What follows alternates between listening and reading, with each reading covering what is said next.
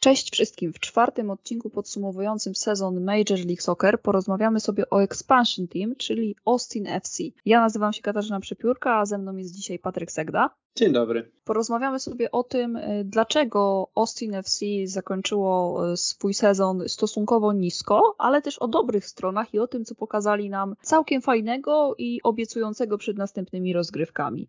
Może zacznijmy od tych gorszych stron, a potem spróbujemy ocieplić wizerunek tej drużyny. Patrząc z perspektywy marketingu, no to stolica Teksasu świetnie z otwartymi ramionami przyjęła piłkę nożną w swoich e, kuluarach. Średnia na mecz wyszła ponad matematyczna. Średnia wyszła ponad pojemność stadionu, ponieważ e, stadion może mieścić 20 tysięcy osób i 500 dodatkowych, a wychodzi 20 738 według średniej, więc to jest rewelacyjny wynik i widać, że e, w Austin bardzo przyjemnie i ciepło przyjęto piłkę nożną w tym wydaniu. To też widać, że Antoni Preco, który chciał jednak wykurzyć Kalambus z Major League Soccer doskonale sobie to przeliczył, przemyślał i wiedział, że relokacja, która ostatecznie się nie udała, ale w ogóle klub y, w Austin to będzie strzał w dziesiątkę. Jeżeli nie widzieliście, a zakładam, że część z Was mogła nawet o tym nie słyszeć, a już na pewno nie widzieć,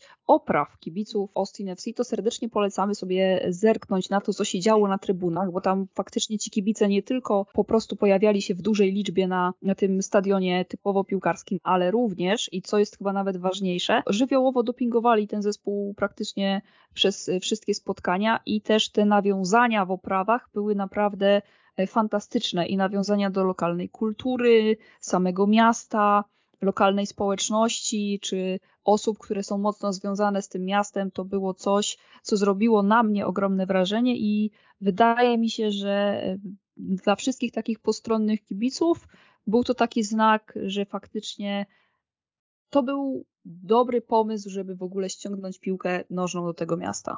Mówiłaś, Kasiu, żebyśmy zaczęli od tych złych rzeczy, a zacząłem od frekwencji, więc zacznijmy ponownie. Jeśli chodzi o negatywne rzeczy, no to nie jest to najlepszy stat, jeśli chodzi o debiutującą drużynę w lidze, ale też nie jest najgorsze, jakby nie patrzeć. Nie każda drużyna musi być LAFC albo Nashville. E, Austin nie osiągnęło takiego wyniku, no ale kryje się za tym coś innego. Jakby nie patrzeć, znaczna część zawodników, którzy mieli być gwiazdami, na przykład Dany Hosen czy Ulises Segura po prostu skończyli z kontuzjami i nie grali. W końcu został sprowadzony C i Dite, albo Dite, prawdę, prawdę powiedziawszy, nie wiem, jakby powiedzieć to nazwisko. Nie spisywali się tak jak powinni. Jakby nie patrzeć, zawodnik z z Zenitu zrobił tą różnicę, ale mimo wszystko tak naprawdę tymi zawodnikami, którzy faktycznie błyszczeli w Austin, nie byli ci, którzy powinni na papierze to robić, bo tutaj mowa o Dominguezie, a także Facunderze, którzy byli takimi nie gwiazdorskimi zawodnikami, ale byli takimi solidnymi, którzy na boisku naprawdę zostawili kawał serca. Akurat Diego Facundes mocno mnie zaskoczył, bo to jest to jest w ogóle najmłodszy wychowanek, który w lidze, w MLS-ie, który najszybciej osiągnął e, liczbę tam 100 spotkań i tak dalej. On bił te rekordy wszystkie w New England Revolution i trochę nie trafił w moment chyba w ogóle rozwoju tych, e, tej ligi, bo gdyby kilka lat później wchodził do tej profesjonalnej piłki, to jestem pewna, że już dawno widzielibyśmy go w Europie, a on ten moment przeprowadzki do top 5 na świecie jednak przegapił i był odsuwany gdzieś tam na boczny tor w New England Revolution. Ja się tak spodziewałam, że on przejdzie do tego Austin i pewnie coś tam pokaże się z dobrej strony w jakichś pojedynczych meczach, ale na pewno nie spodziewałam się tego, że momentami weźmie ciężar gry na swoje barki, a tak było w tym przypadku, więc wydaje mi się, że Austin momentami bardzo dobrze działało na rynku wewnątrz ligowym, bo to nie tylko Diego Facundes, ale chociażby Alex Ring, który został wyciągnięty z New York City FC i to miało wszystko dać e, no, dobry rezultat w lidze. To akurat, to akurat nie do końca się udało. No, liga trochę zweryfikowała to, że ta drużyna jest niedotarta. Jakby było dużo zmian w drużynie w trakcie sezonu. Sztab, e, że tak powiem, transferowy z Joshem Wolfem próbowali zrobić wszystko, co się dało, żeby załatwić tę te drużynę, która po prostu była. Wszyscy kluczowi zawodnicy w pewnym momencie mieli jakieś urazy i po prostu, jakby nie patrzeć, jeśli chodzi o terminarz, no to start pozostawił sporo do życzenia. Jakby mieliśmy w debiutującym meczu z LAFC porażkę, potem mieliśmy dwa zwycięstwa, no i w połowie sezonu było widać, że ta drużyna jest niedotarta. Jakby Też nie wiem, czy się ze mną zgodzisz, ale w ogóle osoby odpowiedzialne za transfery, a tam między innymi jest ojciec Giovanniego Reiny, który wcześniej odpowiadał za e, właśnie ten pion sportowy w New York City FC, to oni otwarcie mówili o tym, że e, a w trakcie sezonu ściągniemy zawodników, jak już zobaczymy, jak ten zespół będzie funkcjonował i grał, to w trakcie tych rozgrywek po prostu weźmiemy do klubu dodatkowych piłkarzy, którzy będą fajnie się uzupełniać z tym, co już stworzyliśmy na miejscu. No i niestety nie do końca to wypaliło, właśnie między innymi przez kontuzję. Dwa, cały czas ten zespół sprawiał wrażenie takiej gry sinusoidalnej, bo momentami było całkiem fajnie i za chwilę to wszystko się załamywało, cały czas brakowało no właśnie tego zgrania tych piłkarzy i powiedziałabym też może, no nie chcę powiedzieć, że trener nie dał rady, bo jednak wyciągnął chyba maksa z tego, co się, z tego, co miał do dyspozycji, ale no było tam sporo elementów, które trzeba będzie poprawić w nowym sezonie. No tak, oczywiście, tylko że tutaj trzeba zobaczyć, że po połowie sezonu już od sierpnia ci zawodnicy, no można powiedzieć, że nie mieli trochę siły grać. Jakby mieliśmy zwycięstwo z Houston w sierpniu. Od tego sierpnia nie było żadnego remisu. Prawie zaliczyli pięć zwycięstw, ale reszta to były porażki. Na przykład z Dallas 3-5, z Houston 3-0 przegrali. Potem mieli szansę jeszcze z Earthquakes y, coś ugrali, bo przegrali 3-4, ale mimo wszystko trzeba pamiętać, że przez cały ten czas, kiedy nawet przegrywali te spotkania, mieli praktycznie pełne trybuny. Nawet przy porażce z Houston, chociaż przepraszam, to było spotkanie wyjazdowe, ale przegrywali, ale kibice przychodzili, mieli to wsparcie, więc marketingowo ciągle jest to dla mnie rewelacja. Houston powinno się uczyć, ale no niestety może w przyszłym sezonie coś, coś innego. No też jest kwestia chyba tego rynku, że w Austin nie mamy w ogóle żadnej drużyny w tych top 5 ligach po prostu no, nie było żadnej drużyny w Austin do tej pory i ten no tak. sportu jako takiego był bardzo duży. W Houston jednak jest spora konkurencja i ten stadion jest daleko położony, no ale o tym już rozmawialiśmy nawet w poprzednim odcinku, że tam potrzeba długofalowego planu i naprawdę konkretnych zmian, jeżeli ten zespół w ogóle chce się utrzymać w lidze, bo docelowo to może się skończyć po prostu relokacją.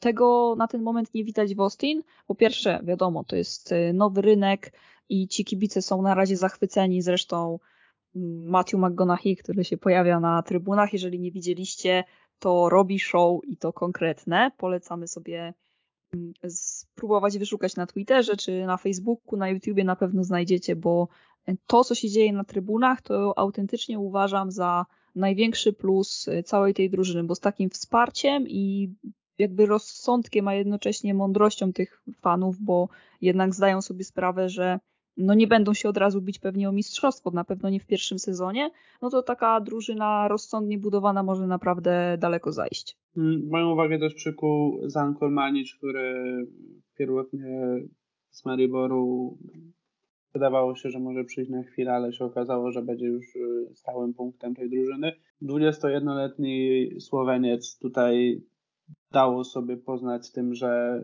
z tyłu pogra i z przodu też ma ten taki fajny przegląd pola, co ceni się u tych e, skrzydłowych obrońców. Jakby nie patrzeć, to jest e, kilka takich nazwisk, które można by wymienić, jak na przykład e, Tomas Pochettino, chociaż a to akurat jest prawda, bo już na ten moment pojawiły się plotki kilka dni temu, że wychowanka Boka chce ściągnąć River Plate i już w zasadzie są na ostatniej prostej więc y, prawdopodobnie akurat y, tego piłkarza nie będziemy obserwować w następnym sezonie w MLS-ie i chyba z korzyścią dla tej drużyny. Znaczy wydaje mi się, że tutaj yy, Argentyńczyk z podwójnym obywatelstwem, jeszcze z włoskim, ma, e, zajmował, że tak powiem, miejsce na boisku zawodnikom, którzy mogliby na tym skorzystać, więc jak najbardziej na plus. Tutaj e, przewijało się nazwisko oczywiście Sebastiana Berhaltera i wydaje mi się, że mógłby tutaj wskoczyć na jego miejsce na więcej czasu niż pozwolono mu do tej pory. No to jest Tylko... właśnie też kwestia tego, że Expansion Team zazwyczaj nie ma jeszcze w swoim składzie wychowanków i musi bazować na młodych piłkarzach, którzy gdzieś w pewnym momencie zostali odrzuceni w swoich drużynach. I właśnie takim przykładem jest Sebastian Belharter. To jest syn Grega Belhartera dla tych, którym gdzieś to nazwisko się obiło o uszy i tak coś wiedzieli, że dzwoni, ale nie do końca wiedzieli, w którym kościele to tak, to, to jest syn y, trenera reprezentacji Stanów Zjednoczonych i on gra naprawdę całkiem ciekawą piłkę, ale y, no, to jest właśnie to, co powiedziałam dosłownie kilkadziesiąt sekund temu, że Austin na ten moment jeszcze nie ma swoich wychowanków, których mogłoby wprowadzać do pierwszej drużyny i muszą bazować na tych, którzy delikatnie zostali odrzuceni w innych zespołach. I tutaj zdrowo, rozsądkowe zarządzanie, a mam takie przekonanie, że jednak y, Claudio Reina wie, co robi na swoim stanowisku. No przyniesie y, na pewno dużo radości kibicom Austin w najbliższych miesiącach. Mi się generalnie wydaje, że jeśli chodzi o to, jak jest zarządzana drużyna, no to faktycznie ta wpadka z tym ściąganiem i łataniem tego składu, e, że tak powiem, w biegu była niewypałem, ale generalnie jest to ekipa, która moim zdaniem piłkarsko wygląda całkiem przyjemnie w porównaniu na przykład do Houston. Mamy 12 miejsce w konferencji z dziewięcioma zwycięstwami, czterema remisami tylko. Bardzo mało remisów, jakby nie patrzeć, ale kosztem zwycięstw. No i 21 porażek, czyli 35 goli.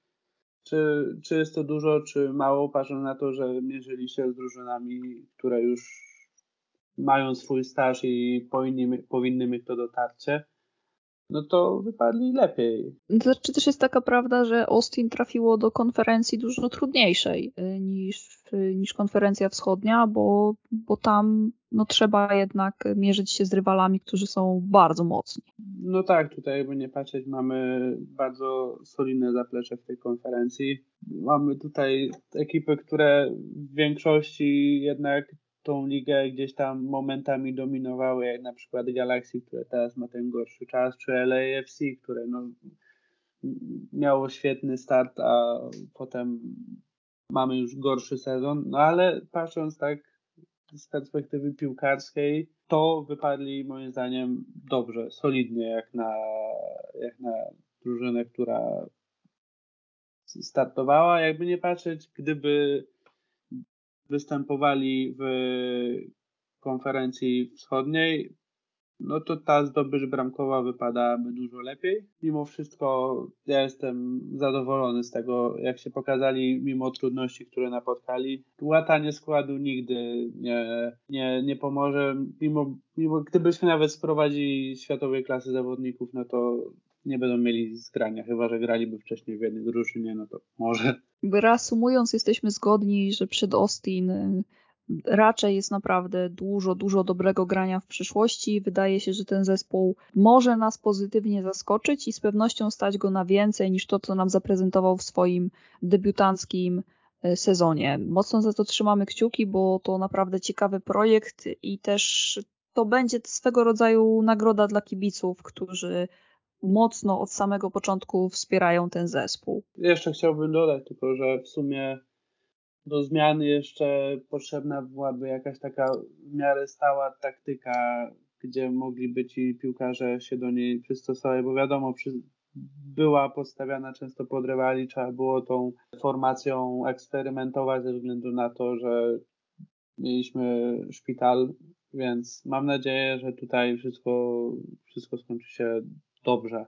bo, bo mają potencjał. Myślę, że więcej już w tej kwestii nie będziemy mieli chyba do powiedzenia, a nawet jeżeli byśmy mieli, to będziemy się zapętlać i cały czas rozmawiać mniej więcej o tych samych kwestiach. Będziemy mądrzejsi po off-seasonie, bo tutaj kilka tych ruchów y, z pewnością zostanie wykonanych i Austin najprawdopodobniej się wzmocnią przed tymi nowymi rozgrywkami. A o tym będziecie mogli z pewnością przeczytać w naszym przewodniku kibica, a oprócz tego zachęcam do zajrzenia na naszą stronę internetową, bo to, o czym nie powiedzieliśmy w podcaście, z pewnością znajdziecie w tekście Patryka, który właśnie dzisiaj e, ze mną omawiał występy Austin FC w sezonie 2021. Dziękuję serdecznie, pozdrawiam wszystkich. Na dzisiaj to by było wszystko. Kończymy i słyszymy się już w następnym odcinku, który najprawdopodobniej ukaże się już jutro.